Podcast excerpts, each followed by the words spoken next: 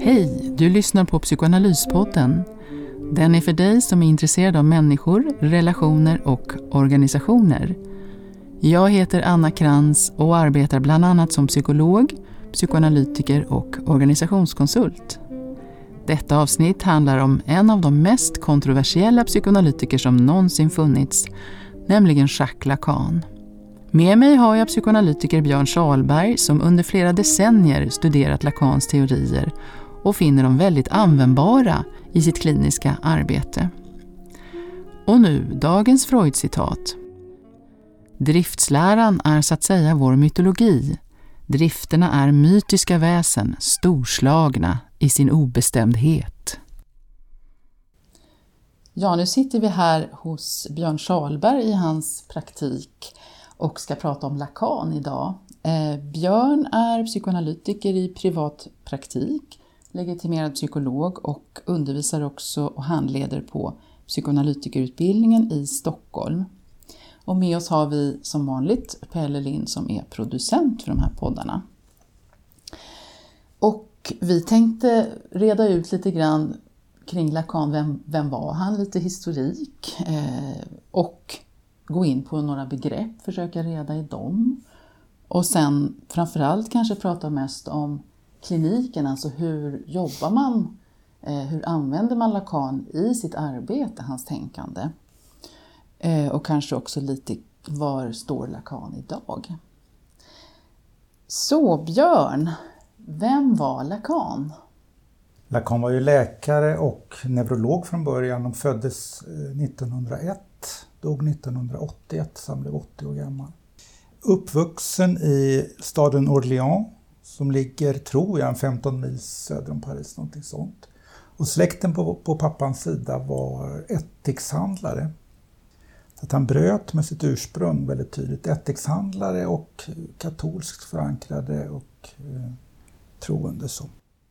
Lacan kom ju att pratar ganska mycket om pappan, fadern och man kan ju notera att han, det var en, under hans uppväxt, det var en tydlig konflikt mellan Lacans pappa och farfar. Alltså. Och, eh, fadern, alltså Lacans far, han, han ansåg hela tiden att eh, hans föräldrar hade satt honom i, särskilt att de satt honom i en katolsk internatskola var han väldigt förbittrad över. Han tyckte de hade förstört hans barndom och eh, kört ut honom ifrån det trygga hemmet. Och han hade svårt att förlåta dem det och hans hustru, alltså Jacques Lacans mamma, det känns som hon, verkar som hon understödde det här för hon var också liksom bitter mot makens föräldrar. Och, det här, och Lacan själv också gick senare liksom i polemik och eh, konflikt med farfadern så att säga. Och det, var det där satte för spår det är lite svårt att säga men, men det är någonting var i den där familjen kring,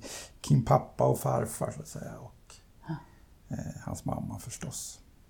Och syskon? Var... Han hade fyra syskon om jag inte säger något fel, men en bror dog ganska tidigt. Men mm. Jacques är den äldsta. Eh, Jacques Marie Emile hette han.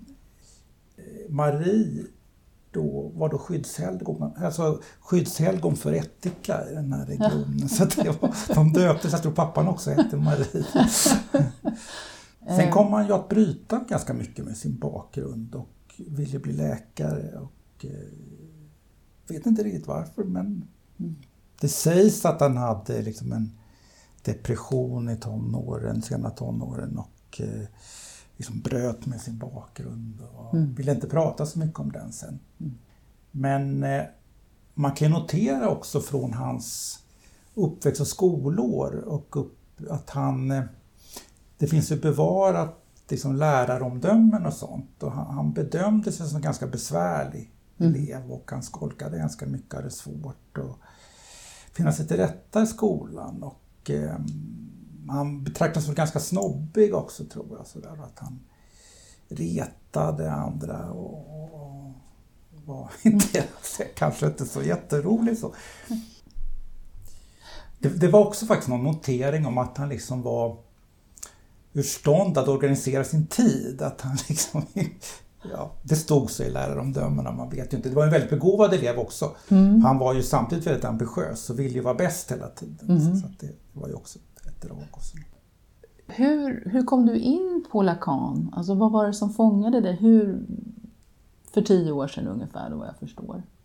Vad var det som fångade dig? Minns du det? Det är nog 40 år sedan jag fångades första gången. Det, det, var en väldigt speciell situation. Jag var mentalskötare på den tiden och eh, jag hade ofta ganska kul konversationer med en psykolog som jobbar på den avdelningen som heter Thomas Karpestig. Vi pratade, han introducerade ganska mycket litteratur för mig. Så där, för jag var intresserad av psykoanalys. Det var Klein och det var, men en dag kom han och sa så här. Det finns någon som heter Lacan, sa han. Jaha, vet du vad han säger?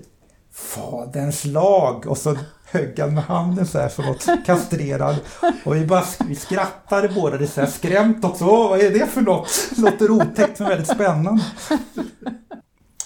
Så då började jag, men jag förstod ganska lite. Så att liksom jag la ner, så kom jag igen. Och sen kom Irene Mattes böcker om Lacan. Så då började jag läsa igen. Men mm. alltså det var ju det här när jag försökte läsa Lacan själv så vart jag ju så oerhört frustrerad för jag förstod ju ingenting. Så att jag kastade ju böckerna också. Tog det några år när jag kom igen igen. Så i början var det ganska mycket att jag läste sekundärlitteratur. Mm. Sen vart jag väldigt förtjust i, i den här då, då, det Irene Mattis gav ut var ju en bok med Lacan-texter men också en bok där man kommenterade Lacan. Mm. Det fanns en längre text av Sven Haugsgärd om Lacan. Sen kom ju också Jörgen Reders bok om Lacan där en bit senare. Och de där, jag läste mycket de två böckerna, så det tog ganska lång tid innan jag började läsa Lacan själv. Mm. För det var helt hopplöst i början faktiskt ja. och det är fruktansvärt besvärligt. Det är inte bara att han är filosofisk skola, det är också hans speciella stil. Mm. Han bryr sig inte om att vara så pedagogisk, eller tvärtom mm. kan man säga. Att han liksom, Precis. Eh, och han kan motsäga sig längre fram. Och, ja. Mm.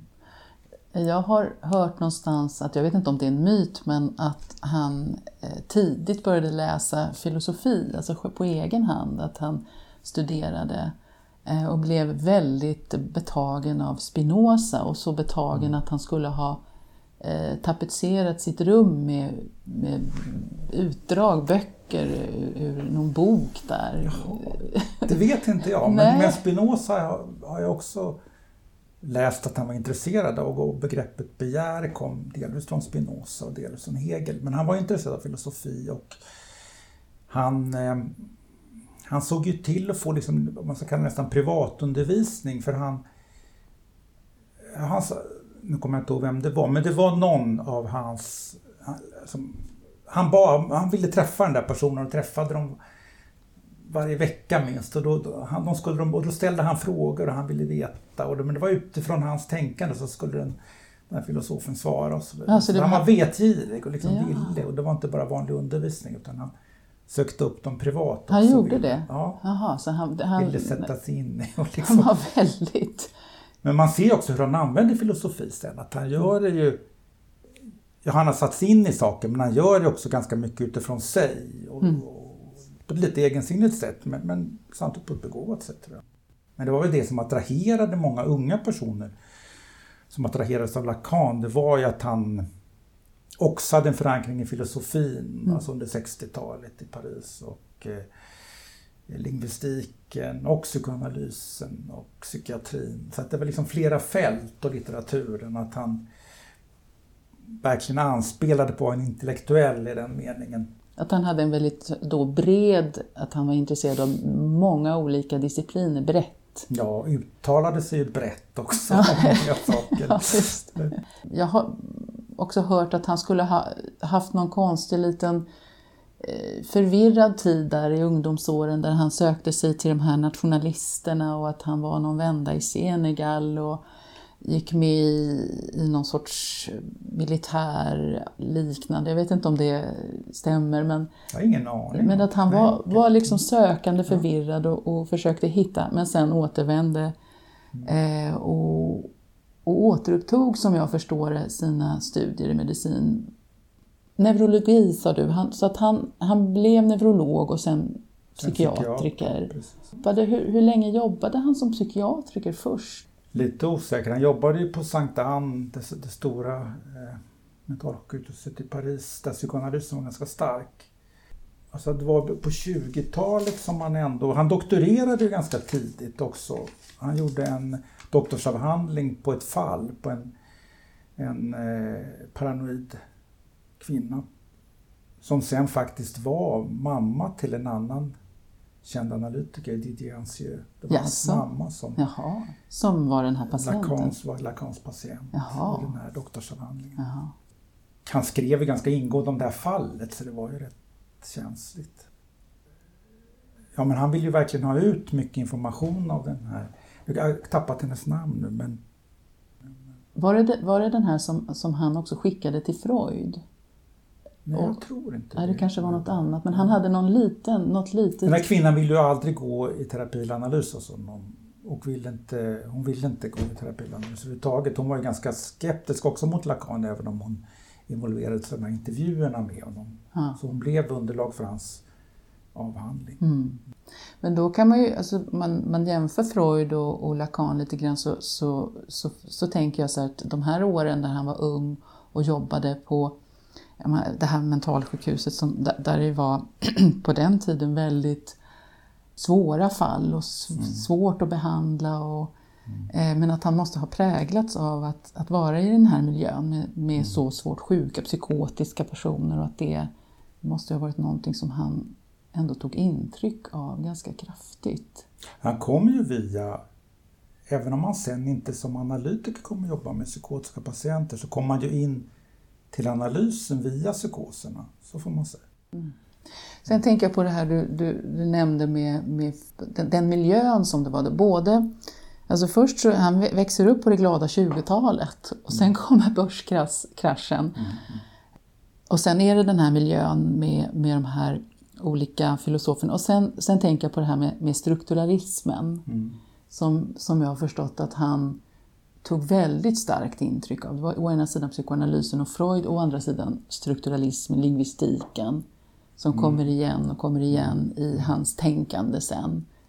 Och det här är ju också någonting som alla säger, att det är, ju, det är svårt att läsa honom. Det är, det är som att man behöver så väldigt mycket förkunskap för att överhuvudtaget kunna läsa hans egna texter. Och, och där apropå det du säger med, med bredden där, att han eh, både att han var intresserad av många olika saker men sen också, ja det kanske, det kanske vi ska säga några ord om hans brott med eh, den ursprungliga föreningen, om du skulle berätta lite om det. Vad var det som Ja, hände där egentligen? Psykoanalysen kom ju relativt sent till Frankrike jämfört med andra länder i Europa. Men alltså den första föreningen är ju Parisföreningen då, som fortfarande är den, den stora föreningen i Paris. Och jag tror den skapades 1928. Eh, Lacan kom väl dit ett sex, sju år senare, tror jag. Jag är andra generationens analytiker i Parisföreningen då, som Lacan kan sägas tillhöra ändå. Eh, så fanns Lacan, det fanns en annan stark man som hette Sacha Nacht. Och när man skulle bilda ett nytt institut i Paris så var det en konkurrens, konkurrens mellan Lacan och Nacht, vem som skulle bli ordförande. Och till sist var det Sacha Nacht som blev ordförande för institutet, men då gjorde man en kompromiss. Lacan fick bli ordförande för föreningen. Som var lite mindre fint, men det, det skulle vara tillräckligt bra i alla fall. Men Lacan var, lyckades ju ändå relativt tidigt bli en kontroversiell figur faktiskt i föreningen i Paris. Och det hade nog att göra med att han, eh, ja, han, ha- han ville jobba på sitt sätt och göra ganska mycket på sitt sätt tror jag. Och det, det började också eh, det här ryktet som sen också var en sanning att han började tillämpa det här förkortade sessioner, att han började avbryta sessionerna tidigare. Mm. det var ju oerhört kontroversiellt. då, Men, och sen var det också det att han, han lyckades ändå få ganska många unga personer att gå i analys hos honom. Och, och, så att han var väldigt karismatisk. Mm. Och det där stack också i ögonen. Och så var han nog ganska arrogant också mot en del av de här äldre som Marie Bonaparte som han nog aldrig tyckte var särskilt lysande. Hon var ju en av centralfigurerna där i Paris. Men han förlorade den där striden att bli ordförande i institutet. men känner sig lite motarbetad som ordförande i föreningen och begär en förtroendeomröstning och får inte så många röster som man skulle vilja. Jag är lite osäker på om man fick en majoritet eller inte. Men han får i alla fall inte så mycket röster som han vill. Och väldigt förbittrad då så tror jag han börjar fundera det, dock är det inte han, men det, det, det, är några andra som tar initiativ att bilda en ny förening. Alltså den franska psykoanalytiska föreningen blir alltså förening nummer två i Frankrike. Ah. Och sen ansluter sig Lacan ganska fort dit och blir en central figur i den här franska föreningen då, som är mycket mindre men som blir den här utbrytarföreningen efter konflikten kring institutet. Mm. Och den här franska föreningen drar till sig många av de här analytikerna som är väldigt kända idag och som flera av dem gick hos Lacan, som Laplanche, Pontalis, Ancieux, eh, Pierre Rollandier var det också, det var några till. Så det var så namnstarka personer som, som ändå bildade den första franska föreningen. Mm. Men det man inte tänkte på, tror jag, då, det var ju att IPA godkände ju inte den här föreningen direkt. Alltså den internationella psykoanalytiska föreningen IPA, där mm. Parisföreningen förstås mm. var medlemmar. Men IPA sa ja, nej men vi kan inte godkänna er direkt. Vi måste titta lite på vad ni är för förening och så vidare. Och den Parisföreningen var ju väldigt negativ förstås till franska föreningen och särskilt till Lacan. Så att de sådde ju liksom eh, split där och tyckte ju och informerade IPA väldigt noggrant om att den här Jacques Lacan, han bedrev en märklig analys där han förkortade sessionerna. Sen tillsattes det ju då undersökningsgrupper, alltså grupper inom IPA. Första den här gruppen så var ju bland annat, tror jag, Winnicott och Ballint med. Mm. Eh, att försöka undersöka, okej, okay, hur går det till här då? Och, eh, eh, och Lacan, då när han blev oroad, han, han sa ju att nej, men jag, nej det, här ska jag sluta med. Jag, jag, ja, det där var väl dumt att bedriva de här analyserna som jag avslutat tidigare. Men så trodde man lite på dem i början, men sen när man började intervjua många personer där så kom man väl fram till att Lacan egentligen struntade i det där och fortsatte precis som förut. och, eh, det var ju också det att de där sessionerna tenderade ju med tiden att kanske bli kortare och kortare. Att det, det är olika uppgifter men en del säger att han kunde kanske variera mellan en halvtimme och tio minuter. Mm. Och sen hade han en praktik som också, fast det utvecklades nog med tiden, att bli mer skandalös i meningen att i väntrummet satt det kunde vara oerhört mycket med folk, ibland nästan ingen, men det var ungefär som man satt och väntade. Man fick kanske en ungefärlig tid, så satt man och väntade när det var möjligt att få komma in. Och det kunde dröja och det kunde gå ganska fort, beroende på hur många som var där. Ja.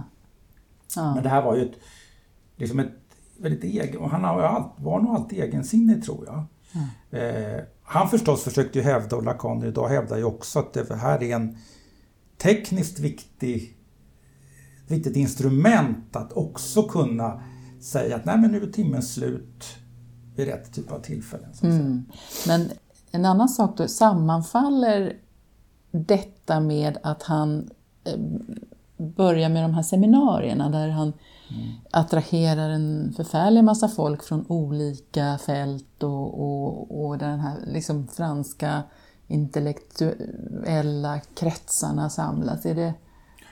Seminarierna startar efter brottet här, alltså efter sen han har lämnat Parisföreningen. Jag ska säga bara kort att IPA kom fram till här till sist. Ja, de höll på ganska många år och utredde det här. Till sist tror jag att de inte kom fram till att de litade inte på Lacan. Och Lacan och François Dolton var de som man sa att ska ni kunna bli en IPA-förening så får inte Lacan och Dolton längre vara utbildningsanalytiker i föreningen. Så det blev det som IPA kom fram till.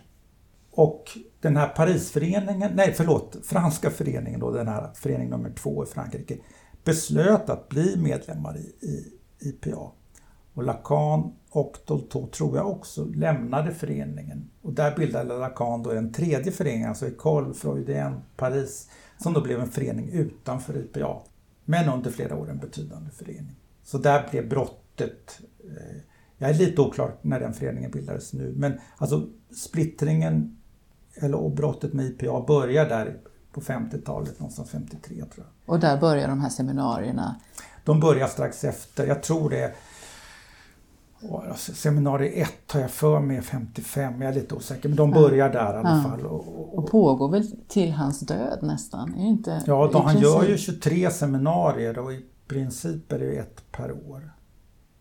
Det här kan ju du bättre, men var det inte så att han, han läste Freud väldigt noggrant? Ja, men det gjorde han. Det, det var ju hans, och på sitt sätt får man säga, men han läste Freud definitivt noggrant och man diskuterade Freud-texter i de här seminarierna. Ja. Man diskuterade även texter av Klein och andra på Ja. de här seminarierna. Och filosofer? Och, Och filosofer. Ja. och annat.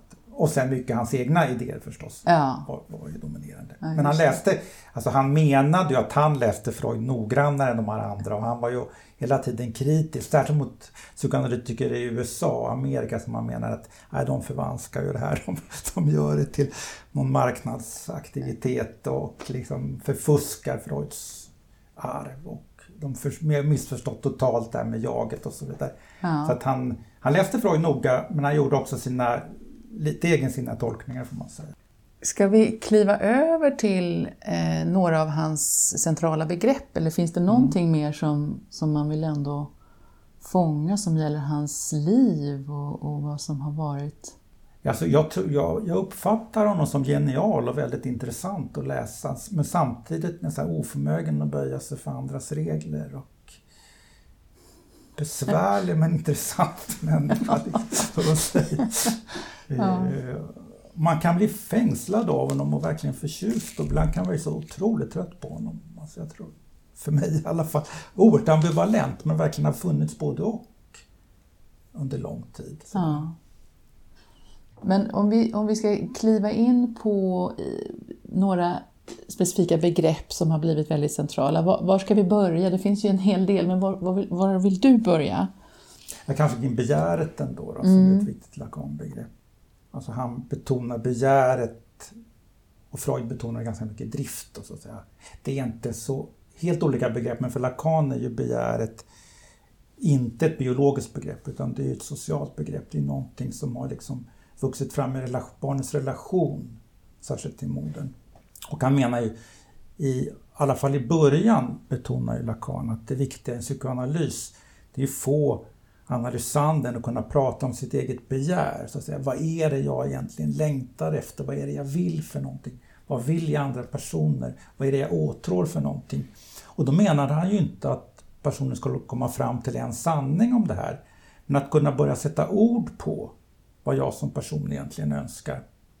Man kan ta som ett exempel ett eh, jag har haft flera analysander, manliga analysander som dejtat mycket och sen, sen någonstans inte riktigt vet vad de är ute efter någonstans. De träffar kvinna efter kvinna men, nej, men jag kan inte bestämma mig. Vad är det egentligen jag vill så att säga? Att de, Mm. Där kan man säga att där vet man det är någonting kring be- begäret som blir svårt. Nej, men nu, nu, nu, har det gått, nu har det gått de här veckorna, nu ska man liksom visa sig lite mer intresserad. Men ska jag det? Nej, nej, jag, nej jag, jag backar ur nu för, för, det kan bli fel och det, för säkerhets skull backa ur. Mm. Så håller man på så gång på gång. Någonstans. Det, eh, Lacan skulle säga, att- och så säger väl jag också, det väl, du kommer väl inte fram till absolut sanning men du måste både börja pröva och faktiskt försöka artikulera det kring vad du vill med ditt liv. Mm. Så, Så så, så alltså begäret är, är, är någon, någonting som, som driver en människa framåt. Det Och, driver människa framåt. Det är klart det har med sexualitet att göra och det har med ett omedvetet begär att göra. Han menar ju okej, du försöker artikulera det på olika sätt men det kommer alltid finnas någonting kvar som du liksom inte får ord på riktigt. mm, Du kommer aldrig bli riktigt nöjd kanske, eller det finns alltid någonting Både begäret och driften säger man ju är någonting som ständigt liksom De blir aldrig riktigt liksom tillfredsställda fullt ut. De kommer alltid pocka på. Så länge man lever är det någonting man vill mm. som inte riktigt är... Jag lyssnade på, eller jag tittade på eh, den här diskussionen som du och Johan Eriks, Mm, Eriksson hade kring hans bok. Ja. Och då, då pratade ni om det här som är, är eh, källa, Mm, tryck, mm, mål mm, och objekt. mm, mm. Hur ska man då få in begäret i källan för Freud och källan kan man tänka sig, men det, det, det kan ju vara drifterna då till exempel. För Freud är För Freud. delvis biologisk. Får man säga, biologisk, källa. precis källan. Eh, och det kan ju vara hunger eller det kan vara ju sexualiteten eller det kan vara, vara olika drifter, biologiska. Eh, trycket, eh, alltså är det det som är begäret då? Alltså trycket, alltså att Ja, det finns förstås en, en bakgrund men själva begäret i sig blir ju trycket. Ja, så låter det för mig. Det, alla låter för mig också så. mm. Och att, att man, man inte vet vad som... Vad är, vad, ja, målet ja, men det är att, att bli mätt till exempel. Mm. Eller målet att eh, bli lugn, Mm. omfamnad. Och objektet då kan vara eh, en förälder, eller mat, eller en sexualpartner eller något annat. Och där Alltså- hade Lacan en intressant tanke att objektet är det han, det är ett begrepp från objekt lilla a. Ja. Är det han, vad han menade var objekt. Att det man söker är inte en hel person egentligen. Utan det är någonting som man har förknippat med sin mamma. Någonting som man har förknippat med kanske att hon faktiskt har begärt hos någon annan som inte är jag. Det vill säga att hon är upptagen av någonting. Och det här hon är upptagen av intresserar mig eftersom vad kan det vara som gör henne så upptagen av något annat än mig? Mhm. Vad är det? Liksom? Och då var hans tanke där objekt lilla a kan vara inte en kroppsdel eller en person men kanske bara ett sätt mamman har att artikulera något, ett sätt hon har att röra sig, ett tonfall, ett sätt hon har att ta i någonting eller alltså det finns någonting och med, det finns, man kan, alltså åtrå, sexuell åtrå kan ju hos personer väckas just av sådana här att dofter, sätt att röra sig, ton, alltså sådana här tonfall, saker som, ju inte, som vi inte ibland tänker på. Sagt som eh, möjligen en doft också, men, men, men det, det, det är någonting som är just väldigt det är inte ett helt objekt, det är något delat. Det kanske bara är... Mm. För det, det, just, just det där, apropå hans olika begrepp. Eh, objekt, det här som du säger, lilla a. Nu, kommer vi in på det lite smidigt här. Men, eh, han, han pratar ju om, eh, om jag förstår rätt, du får, du får rätta mig om jag har fel. Jag har försökt förstå Ja, det här ja. många gånger men det här Samma är mig. inte lätt. Sjuttonde gången jag bara skrapar på ytan och ger upp. Men eh, att, att eh, att begäret och bristen är liksom två sidor av samma mynt. Att, eh, som han pratar om, att det är, det är bristen som på något sätt föder begäret. Det här du säger, det är, no, det är någonting här som mamma håller på med, det är någonting här som jag, vad är det där, vad är det här, vad är det här? Eh, jag vill också ha det där, vad det nu är. är det, stämmer det ungefär? Eller har jag Ja, helt ja. missuppfattat? Alltså, jag kan också missuppfatta saker, för Lacan är så svårläst att man, liksom, man läser om och om igen och han kan uttala sig lite olika på olika ställen. Och det är klart att jag har inte läst alla referenser heller, så det är klart, man, man, efter ett tag när man håller på så får man tänka, jag försöker, försöker man liksom bilda sig sin egen i alla fall uppfattning kring begreppen och det är Ja. klart man kan ta lite fel. Men, men för mig, jag förstår det så att begäret är ju det, det som liksom trycket, det som driver dig vidare. Mm, Och det har att göra med att det som är kvar efter att du har separerat med mamma, det är så ändå önskan om, om, om förening igen i någon sorts mening. Mm. Och hur ska jag då kunna förenas igen? Och då är ju en tanke att det här mamman verkar begära som inte jag, vad är det? Och vad, alltså, att, att kunna bli upptagen av någon aspekt av henne som, som jag kan få, på omedvetet plan få för mig att där på något vis så förenas jag igen i alla fall. Alltså, om jag kan förenas med det som hon verkar åtrå hos andra men inte mig, men då har jag henne, har jag henne igen i någon sorts mening. Tror jag. Mm. Mm. Men sen skiljer den på begär, behov och krav så att säga. Men det tror jag blir lite långt att gå in på det. Men, men jag Mm. menar, begäret är trycket, det som driver vidare skulle jag verkligen säga. Och, Mm. Där har jag också förstått Lacan som att han pratar om olika sorters begär. Att det finns ett begär som är mer rimligt på något sätt. Och sen finns det personer som har liksom begäret på månen. Att, att eh, man kommer aldrig att bli eh, nöjd. Alltså... Ja, fast han tror Jag vet inte. Ja, du kan ha helt rätt och jag kanske har missat det. Men jag tänkte att han tänker nog att man inte blir nöjd men att man man måste ändå, det var apropå det här i analysen att man ska försöka hjälpa någon att artikulera sitt begär så behöver man ju som människa kunna, och faktiskt kunna prata om sätta ord på det. Att jag i relation till andra människor ändå försöker säga vad jag vill dem, så att säga. Vad jag vill få ja, ut av ja. dem. Och då måste jag få ord på det här. Men kan det vara så här då att, att här, man har det här trycket och, och det här begäret och så gör man saker för att tillfredsställa begäret och så kan man, man, man vara nöjd eller nöjdförklara sig.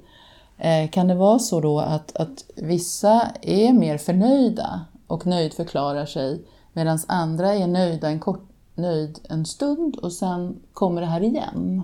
Ett begär. Jo men givet, men jag tror Lacan menade att man aldrig blir nöjd särskilt lång tid. Okej. Generellt tror jag i alla fall uppfattningen. Ja, precis. Ja, Begäret, driften ligger och trycker på hela tiden någonstans. Ja, men ja. din enda chans är att du lyckas börja sätta ord på det på något vis socialt så att du kan få någon sorts utlopp i relation till andra personer. Ja, just det.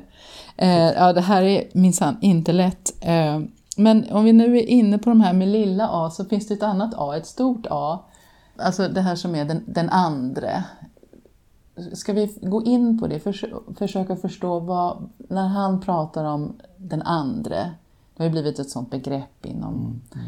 Vad är det då han pratar om och vad, vad gör det med oss så att säga? Mm. Jag tror man måste kort bara säga alltså hans tredelade modell med det imaginära, det symboliska och det reala. För där kommer den andra in i det symboliska. Men om man säger kort om det imaginära först så är det ju den kontakt, och, det kom utifrån hans första mer kända skrift om spegelstadiet någon gång i slutet på 40-talet men där han ju beskriver barnet som förundrat får se sin egen spegelbild och att få se någonting som blir helt och går ihop. Och hur barnet uppstås, inte bara av spegelbilden, för så skriver han kanske först, men sen utvecklar han det här till att barnet tittar i spegeln men sen tittar den på mamman. Och det här det oerhört viktiga momentet att sen titta på mamman för att se hur mamman förhåller sig till det jag tittar på. Mm. Det kan man se barn också som slår sig Innan de börjar skrika så tittar de ibland på en förälder mm. för att se lite hur föräldern reagerar. Sen kan de börja skrika, eller inte. Så att säga. Men ah. att, att hur, hur, små barn söker av ju en blick eller förälderns ansikte någonstans. Ah. Det menar Lacan. Det här var ju det imaginära är det, min, min imaginära identitet bygger mycket på den andras ansiktsuttryck.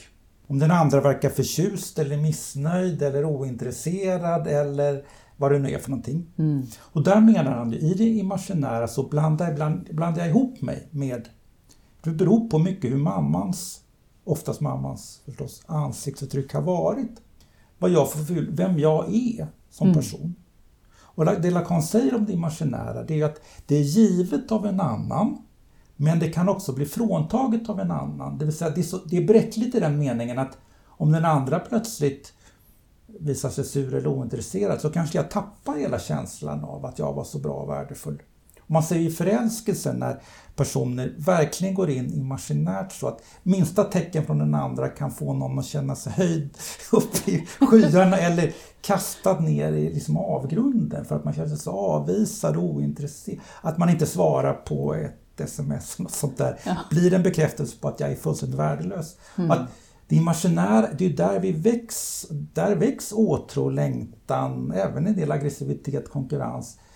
Men det, den är känslig för att den typen av identitet eller jag-bild är så faktiskt beroende av den andras hela tiden spegling eller inte spegling. Mm. Och då, då säger Lacan att det som måste stabiliseras, det kommer från den andra. Alltså ah. den andra Lacans modell är egentligen då förenklat fadern så att säga. Mm. Faderns position av att säga, först säga, föra in språket men också säga nej till barnets symbios med mamman. Att eh, nej, liksom, du kan inte vara med mamma hela tiden, du kan inte bli ammad hela tiden, nej du kan inte ligga i, bredvid mamma i min säng hela tiden. Det finns en annan position för dig, så att säga, en annan plats för dig. så att säga. Men det här betyder ju också att med orden försöker man också skriva in någonting annat, nämligen att du är min son, eh, du har en mor men du har mig som en far och du kanske har syskon också. Du har en plats i vår familj. Eh, vi respekterar den platsen men du måste också respektera att du har inte fadersplatsen. Förenklat, men det är ju det olika nej och andra liksom, interventioner sen i familjen kommer att betyda. Att man gör en skillnad på, på förälder-barn, att man kanske på generationer i den meningen. Och varför han då säger den andre med stort A, det är också att det är inte bara pappan som person. För pappan fyller en funktion. Och sen när det utvecklas sig att mamman, för en del frågar, okej okay, men vad händer med ett barn som inte som växer upp med en ensam mor då, så att säga. Mm. Men mamman kan mycket väl själv bära funktionen av stora A. Det vill säga vara den som säger att nej, nej, nej, men nu får du faktiskt leka själv ett tag. Jag har andra intressen eller det finns regler bara. Bara det har ju med den andra att göra också. Föräldrar ska respektera barn på olika sätt. Men barn ska också respektera föräldrar och syskon och så vidare. Man för in någon sorts regelverk som är gemensamt för en kultur eller en grupp. Mm. Och det kan man säga, det är en viktig trygghet på ett sätt. På ett sätt kan man säga, som Lacan säger också, men det här separerar och det här alienerar barnet från mamma. Nu blir han förfrämligad ifrån sitt ursprung. Mm. Men samtidigt, säger Lacan, så är det ju en, det är en frihet också att slippa ifrån att vara, vara en symbios med mamman. Mm. Så att orden, språket och det här att det finns andra, det finns också människor utanför familjen. Och de måste följa vissa regler.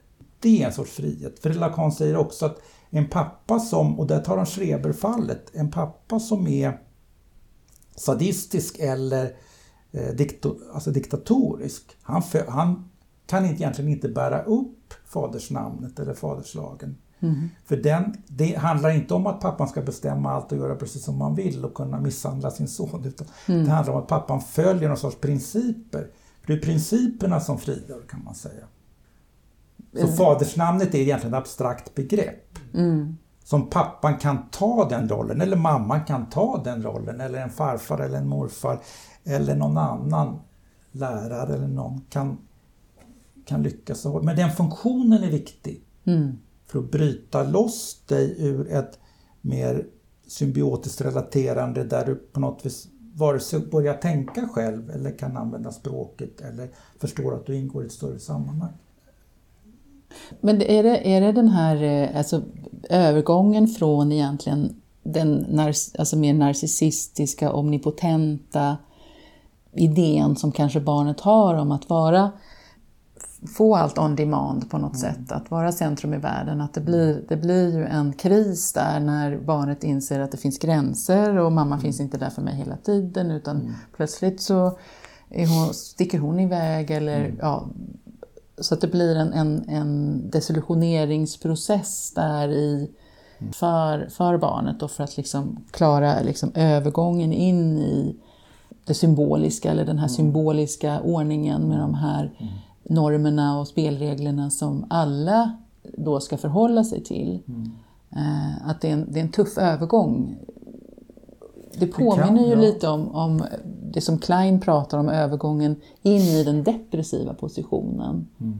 Eh, och att stå ut med att, att man är man får inte allt man pekar på eller man är inte centrum i världen utan eh, och man, man känner av en ambivalens mot mm. ett, en och samma person. Man ska klara mm. av den ambivalensen och, och förstå att man, man är liksom ett litet maktlöst barn på något sätt. Att mm. det är inget kul att upptäcka det. Kan Samtidigt tror jag det är viktigt att tänka, alltså Lacans begrepp är imaginärt och symboliskt. Så menar han att vi, vi kommer att fortsätta relatera McLean har ju också så i sina positioner, vi fortsätter att relatera i båda positionerna. Men för Lacan också, man fortsätter, alltså det imaginära är ju livsnödvändigt. Vi, vi, speglar oss hela tiden med andra i grupper och i relationer. Vi, vi behöver bekräftelse hela tiden någonstans. Och vi faller ju lätt ihop. Om vi helt all bekräftelse uteblir, då faller vi efter ett tag ihop tror jag i våra identiteter. Mm. Så att vi behöver den. Men sen det som orden skriver över, orden skapar en större stabilitet ändå i det här systemet. Mm. Så det, kan, det behöver inte vara en persons gillande eller ogillande som förstör hela min självkänsla. Mm. då kan man också börja, som han säger sen, barnets förmåga sen också att kunna separera från mamman, det är att barnet börjar förstå att mamman är också en människa som andra människor. Mamma är också sur och trött och, mm. och grinig och, och, upptagen av sin historia eller kanske man inte förstår som litet barn. Men, men, men mamman är en person upptagen och som mig kanske sur och tvär och, och, så ibland. Och det betyder inte att jag är totalt värdelös. Att man får ett grepp av och att ja, men då andra kan tycka mamma är dum kanske också om hon kallar mig för idiot eller någonting. Mm. att, alltså, det, finns, det blir liksom säkerhetszoner av att man kan prata om saker, av att det finns andra att vända sig till, att man inte helt...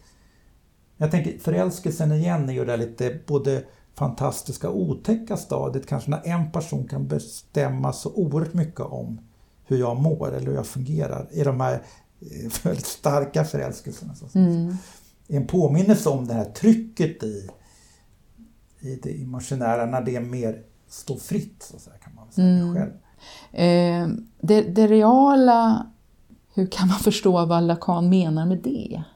Det, det reala, han beskriver det tidigt då när vi pratar om sin tredelade modell, men då säger han först inte så mycket om det reala. Han säger att det är det som vi inte kan symbolisera, det som på något vis är bortom våra ord, det som vi liksom inte vet någonting om. Sen i slutet av sitt liv, på de här sista seminarierna, då börjar han föra in det på ett annorlunda sätt.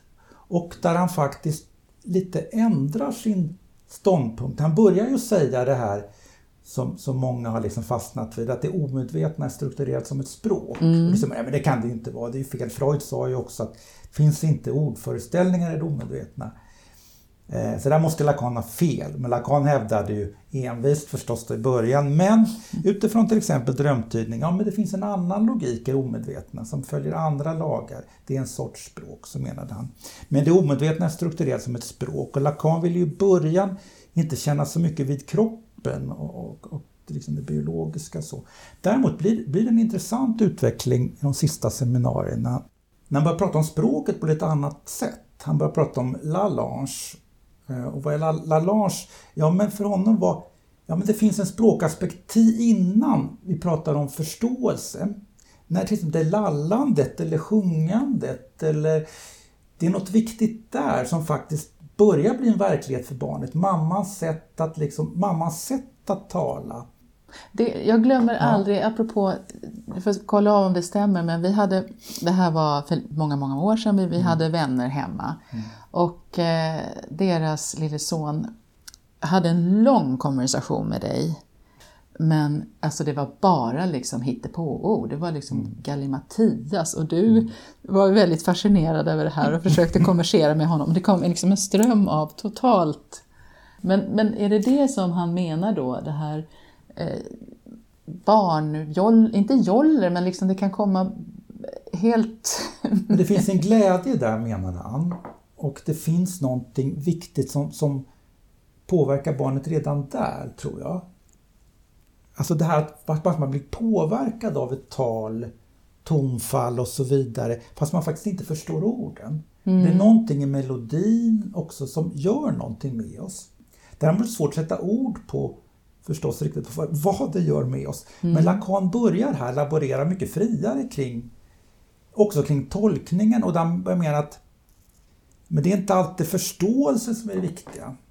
Det finns något innan förståelsen, för kanske ibland måste nå någon genom en sorts intervention där vi liksom ruskar om honom på ett plan som ligger primärare eller tidigare än själva förståelsen i orden. Intressant. Jag eh, kollade på någon film där folk hade gått hos Lacan i, i analys och fick berätta lite om sina analyser. Och då var det ett klipp där med en kvinna som hade varit förföljd då under andra världskriget, hon var väl en liten flicka då. Och då berättade hon att varje morgon så vaknade hon av, av mardrömmar klockan fem. Mm. Och sen plötsligt så kommer det till henne då att Gestapo gjorde sina räder på mm. morgnarna klockan fem. Och då berättar hon att då reser han sig upp och går fram till henne och och klappar henne på kinden. Och då blev det någon total transformation i, i det, det minnet då. Eh, och det var ju liksom totalt ordlöst. Han går bara fram till henne och klappar henne på, på kinden. Och då menar hon på att hon transformerar eh, Gestapo till, och det här på franska, eh, resta på, Gestapo, okay. resta Jaha. på, alltså att, att okay. klappa någon, göra en, en gest. Och, och, det är ju någonting annat än, än, än, än det talade ordet, mm. att, att gå fram och göra så. Eh, ett rambrott skulle man ju säga. Mm. Ja, ja. Så, så, så gör vi ju mm. inte. Eh, jag vet inte om han gjorde så annars också. Mm. Men det kan ju bli det här som Stern pratar om som now moments som transformerar i, i analysen. Alltså där det liksom händer någonting äkta mm, mm, i, i, och som, in, som är lite mer ordlöst på något sätt. Eh, som är transformerande, eller som transformerar det omedvetna. Mm. Tror att det, det kan hänga ihop med ja, det här? det tror jag verkligen. verkligen. Ja. Jo, jo, just det. Innan jag glömmer bort det. Eh, det här som Lacan pratar om som jouissance, alltså jag vet inte vad Freud använder för ord eller vad vi använder på svenska eh, som en njutning. Mm. Att, att det är någonting annat än begäret. Vad, mm. vad, hur skulle du beskriva det begreppet? Ja, som en, en eh, primitiv eller väldigt stark njutning. Alltså upp, en väldigt stark upphetsning men också lite otäck upphetsning för att jag har inte riktigt grepp om den. Liksom. Väldigt lockande men också skrämmande. Ja. Skulle jag definiera. Men, men den, den, ligger ju... Det är, det är ett ganska primitivt fenomen. Ja, för jag har förstått det som att det är klart att, att, vi, att, att man, man eh, vill ha njutning i sitt mm. liv men att, mm. att, att det kan gå till överdrift och då blir det fross, frosseri eller man mm. äter alldeles för mm. mycket eller mm. allt det här som hypersexualitet mm, eller olika typer av njutningar som, som liksom går till överdrift. Att, att då är det någonting som är nära då eh, något, något mer des, alltså destruktivt eller smärtsamt eller eh, det är nära något otäckt också. Alltså ja. det, det, är hans, jag förstår hans beskrivning så att det, det, det, det är ett gränsland där det just är kusliga att det kan slå över också och bli alldeles för mycket. Det är som ja. alltså, ple har, pleasure and pain. Ja, det är något både och. Något som ligger mm. nära. Men, men, tror du att, att det är för mycket sånt nu i vår, i vår kultur? Alltså att, att vi, har, vi har hamnat i en njutningskultur. Det, det ja, går till överdrift. för mycket. Det kan vara pornografi och andra saker men, men en exponering som är det finns oändligt så, som blir antal väldigt kakor. mycket så att säga. Den, den riskerar också att slå över till någonting som faktiskt blir smärtsamt för personen. Väldigt lockande men sen når det en gräns där det, det kanske blir eh, eh faktiskt väldigt svårt att stå ut med också i begynnelsen så när Freud upptäckte överföringen så att säga, mm. då skulle ju den tolkas, nej men du menar inte mig, du är inte kär i mig, du är kär i mm. din, vem det nu är, pappa mm. eller någon. Mm. Eller du, du, du, är egentligen inte arg på mig, du är egentligen arg på pappa. Så man skulle tolka då sådana genetiska tolkningar. Och sen, eh, jag vet inte hur, hur det var när du läste till analytiker, men, men när jag pluggade till analytiker då, då skulle man absolut inte de där tolkningarna var ju förkastliga. Okay. Utan man skulle ju tolka då eh, om man kommer och berättar att man är så sur på sin partner. Ja men du är egentligen inte sur på din partner, du, du är sur på mig för att jag ställde in förra veckan. Mm. Och då, då fick vi lära oss att vi skulle göra sådana tolkningar. Mm. Hur, vad gjorde han med överföringen? Har du någon, någon, någon grepp om det. Jag tror han ville att den skulle växa sig. Det var ju ett viktigt begrepp förstås för honom.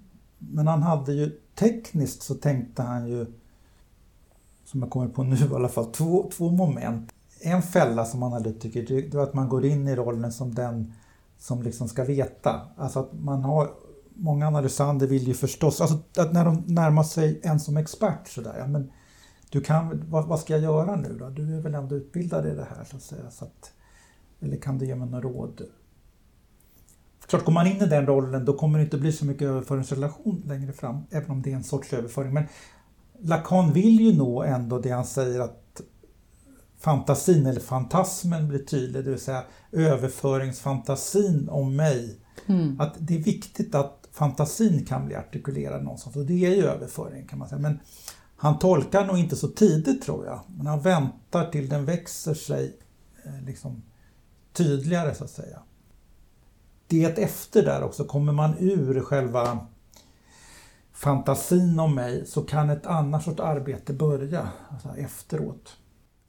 Jag uppfattar det som ändå ett relativt klassiskt sätt att tänka kring överföring som Lacan använder. Eh, hur såg Lacan på målet med en psykoanalys i hans värld?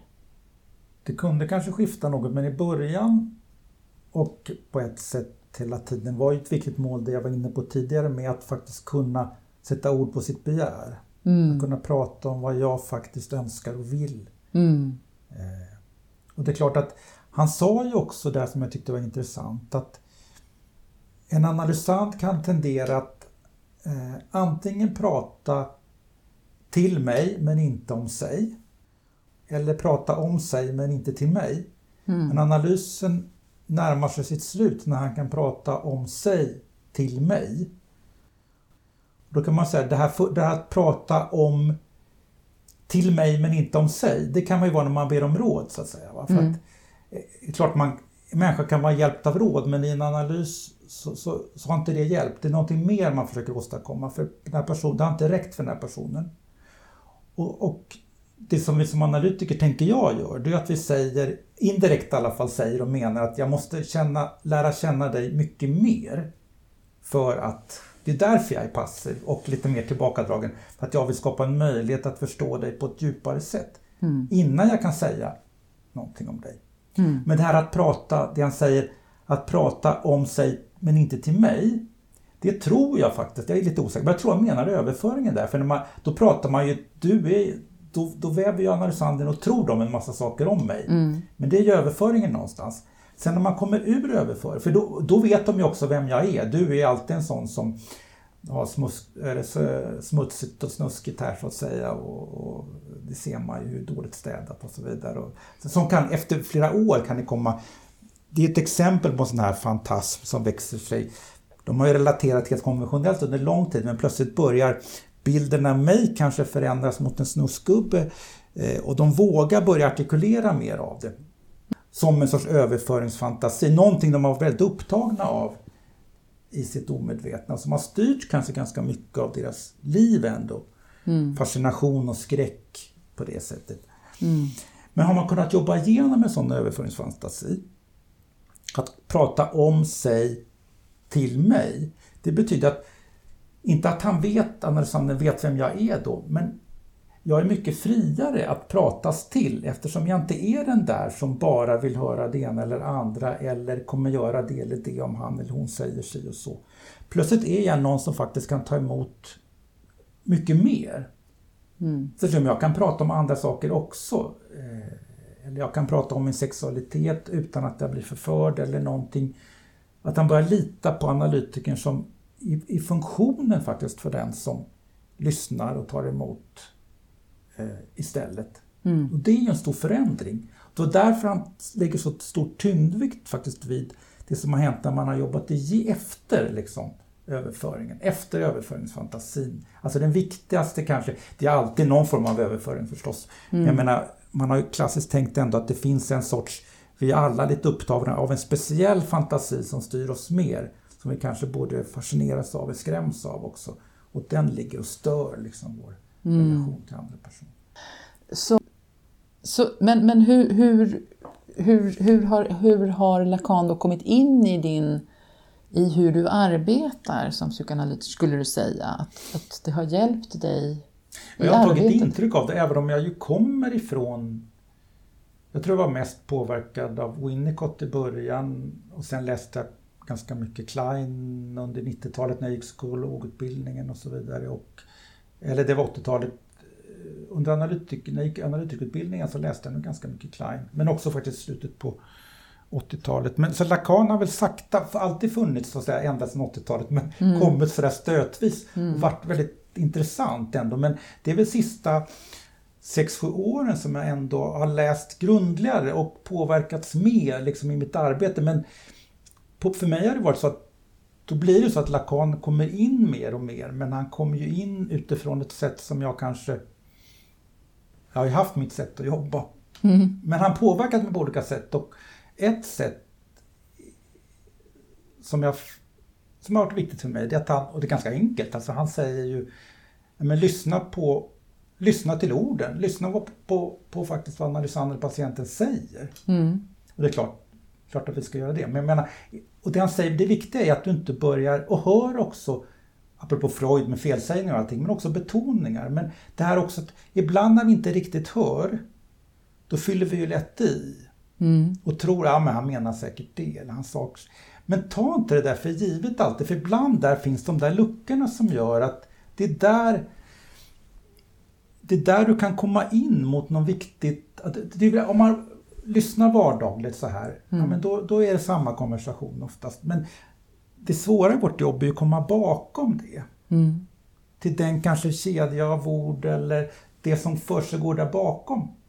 Men hitta de fönstren in är svårt, men det kan just vara, ibland lyssnar man noga så hör man vissa personer har väldigt speciellt betoning av ett ord till exempel. Mm. Det behöver inte man, man kanske inte ska stoppa och fråga hela tiden, men jag menar, det kan säga någonting. Mm.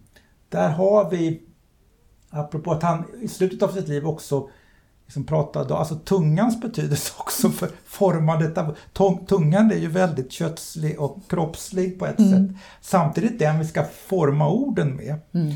Och man, den trilskas i vissa ord eller krånglar till det. Och det har sin betydelse, man kan lyssna på lyssna till vad som sägs. Mm. Det är någonting som jag tycker har varit viktigt med Lacan. Mm. Det här med avbrutna sessioner har inte tagit, har liksom gått förbi. Jag tror inte riktigt på det. Men sen tycker jag också att hans, någonting som är skönt med Lacan, han är ju väldigt speciell, men man känner sig lite friare att få vara galen tycker jag med honom någonstans. Att han, han betonar ju ofta saker går inte riktigt ihop. Alltså att, mm. eh, du är inte en, alltså du är identifierad på massa olika sätt och du är splittrad på många olika sätt. Alltså vi, vi ska inte tro att vi blir helt enhetliga bara för i analys. Mm. Det kanske är någonting frihet med att vi faktiskt ser att vi, vi går inte helt ihop, vi gör lite konstiga saker, vi har lite maner för oss och det, vi kanske behöver få ha det också. Det är någon mm. sorts glädje ibland i de här speciella sakerna vi håller på med, så, mm. som andra tycker är excentriska. Men, det finns en glädje där så att säga. Jag tror han har varit, men, men det är för sig, nu har det blivit något lite mer generellt i fransk analys där, man också faktiskt pratar om mammans begär och att det, det, kan vara svårt för mamman och pappan också att separera eller mamman har önskningar om barnet.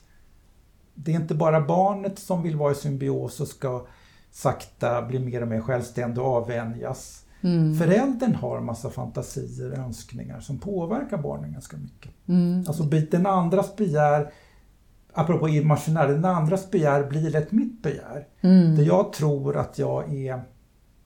Jag kan tro att jag är besatt av saker som egentligen sen kan visa sig, det här var saker mina föräldrar var väldigt mm. upptagna av. Eller min släkt har varit upptagen, det kan vara trauman eller andra saker. Men jag tycker jag har märkt med, med analysanter, en del som har haft fruktansvärt stark ångest kring vissa saker. Så har det med tiden visat sig någonting som inte har gått att förstå bara utifrån deras historia. Men det har gått att förstå när man har sett föräldrars och andras historia. faktiskt. Men barnet själv har faktiskt inte riktigt kunnat fatta eftersom det är en ångest som har förmedlats i någon sorts mening. Mm. Men ett barn börjar känna det som sin egen ångest sen. Och sen som vuxen börjar fundera, vad, är, vad, vad, vad betyder det här egentligen? Men då mm. kan den kanske inte egentligen svara utifrån sig. Utan man måste förstå ett större sammanhang. Men kan det, äh, apropå Lacans egen historia, att han, han ville absolut inte gå i sin fars fotspår och hålla på med den där, vad var det, vinäger? Ättikshandeln, ja. Och, och mamman, mamman var from katolik och han bröt med han, han var väl ateist, Lacan? Jag vet inte. Han, alltså han refererar ju lite Han är påverkad av katolicismen tror jag faktiskt. Han, men, men han, han, skulle nog säga att han var ateist, det ja, tror jag. Men... För hans, hans, hans bror blev benediktinermunk. Ja, precis. Det är lite speciellt. Och, och Lacan eh, går mm. verkligen, verkligen sin egen väg. Mm. Och är ju någon sorts outsider i sin egen familj. Mm. Ja, det, verkligen. Och det är väl det här att, att, att analysanden som kommer ändå hittar det är ju det här jag vill göra.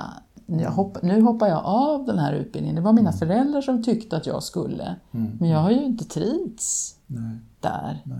Att liksom hitta mm. just det här du säger, sitt, sitt eget begär och omfamna det. Mm. Mm. Och jag, precis, för jag, det var en, ett citat som jag tänkte fråga dig också. Är det så här, Le désir est l'essence de l'homme. Alltså begäret är essensen av människan. Mm. Det, det, är väl ungefär det du säger då, tänker jag. Ja, man kan behöva tänka efter lite, men jag tror att det ligger... Ja, visst, spontant håller jag med dig, verkligen. Ja. Um, det är i alla fall det som är väldigt viktigt i mitt liv någonstans. Ja. Alltså anpassningen finns ju å ena sidan om man tänker allt det här med, med den andra och, och symboliska ordningen. Det är någon sorts anpassning. Ja. Och anpassa sig in i språket som, det, som ett delat språk med andra. Ja. Men samtidigt, vad blir då kvar av min längtan, min åter... Alltså begäret är ju det här som ändå finns kvar som en sorts drivkraft som inte är helt tyglad och socialiserad. Och någonting av det här, det är väl det han säger, att vi behöver ha kvar någonting av den här liksom otyglade, mm. främmande i oss som faktiskt ger en glädje i livet också. Mm. Mm. Kontra risken. Men nu kan man säga att det här, ta, det här att prata om begäret på det här sättet, det gäller mm. nog mest om man tänker sig neurotiker och deras mm. problematik. Som man säger. Mm. Men där är det snarare att man är för hämmad som är problemet. Men för det är intressant, för precis som du sa, han, han började att jobba med, med psykotiker men sen, sen kanske han egentligen valde att jobba med neurotiker i sin praktik som psykoanalytiker. Och att där, och då, för då kom jag att tänka på eh, det var Killingmos artikel som, där han pratar om att vi måste skilja mellan brist och konflikt. Alltså, mm. Mm. Eh, man kan inte jobba på samma sätt med eh, personer som har stora luckor, brister mm. i sitt, mm. sitt psyke. Liksom. Mm. Eh, konflikt, men då, då kan man förlösa, då kan man hitta eh, en mm. väg framåt så att säga. Ja, till sist då, eh, hur skulle du säga att Lacans ställning är idag eh, inom den psykoanalytiska världen eller inom hälso, alltså inom hela den här branschen som vi verkar i? Mm. Det, det, är en väldigt speciell position skulle man säga för att han är ju egentligen på vissa sätt väldigt viktig och väldigt liksom det skrivs mycket, det talas mycket om honom. Men i speciella kretsar kan man säga. Sen är han ju liksom på ett sätt helt utanför IPA, alltså Internationella psykoanalytiska föreningen. Alltså det är den psykoanalytiska världen utanför. Samtidigt är han kanske den analytiker som är mest känd efter Freud egentligen. Mm. Alltså den lakanska analysen är ju på, på många sätt väldigt stark i många länder. Mm. Eh, att det finns ändå ett stort antal yngre personer, det ser vi också i Sverige, som är väldigt intresserade av Lacan. Mm. Och, och, och, det tror jag som vi behöver, jag tycker vi på något vis ändå behöver veta vem Lacan är och ja. kunna diskutera honom, ha någon bild av honom. Ja, det håller jag med om. Eh, jag tänker också på den här eh, filosofen, han är väl filosof, eh, Slavoj Zizek. Mm. Mm. Han har ju på något sätt också fått upp intresset för Lacan. Alltså att mm. man, man, man lyssnar på honom och läser honom och landar då i, i Lacan och Freud. Mm. Eh, och sen finns det ju då några svenskar som ändå, Per Magnus Johansson, ja Irene Mattis, kanske inte så mycket nu för tiden, men förr hon introducerade Lacan tror jag tänker mycket i den svenska eh, an, analytiska och i samhället. När jag försökte sätta mig in i det här så hittade jag en amerikan, tror jag han är, eh, som heter Bruce Fink. Ja, det är den stora Det är den stora översättaren. Alltså han, översättaren som- och som introducerar Lacan i, i en I rad den- böcker. Men alltså, han skriver ju väldigt pedagogiskt. Ja, och han, jag lyssnade på några intervjuer med honom och han försöker verkligen hjälpa till Mm, så att man ska förstå. Man blir nyfiken och det hoppas jag att det här, eh, det här avsnittet eh, ska väcka nyfikenheten för Lacan. Och det, det, jag blir i alla fall, jag har blivit mer nyfiken. Och jag tyckte det var ett väldigt eh, roligt samtal med dig Björn. Så jag vill tacka så jätte, jättemycket och tack till dig Pelle och tack till alla ni som lyssnar för att ni har lyssnat, ni, ni hör det här, ni har lyssnat på hela avsnittet. eh, så tack för det och vi hörs nästa gång. Tack!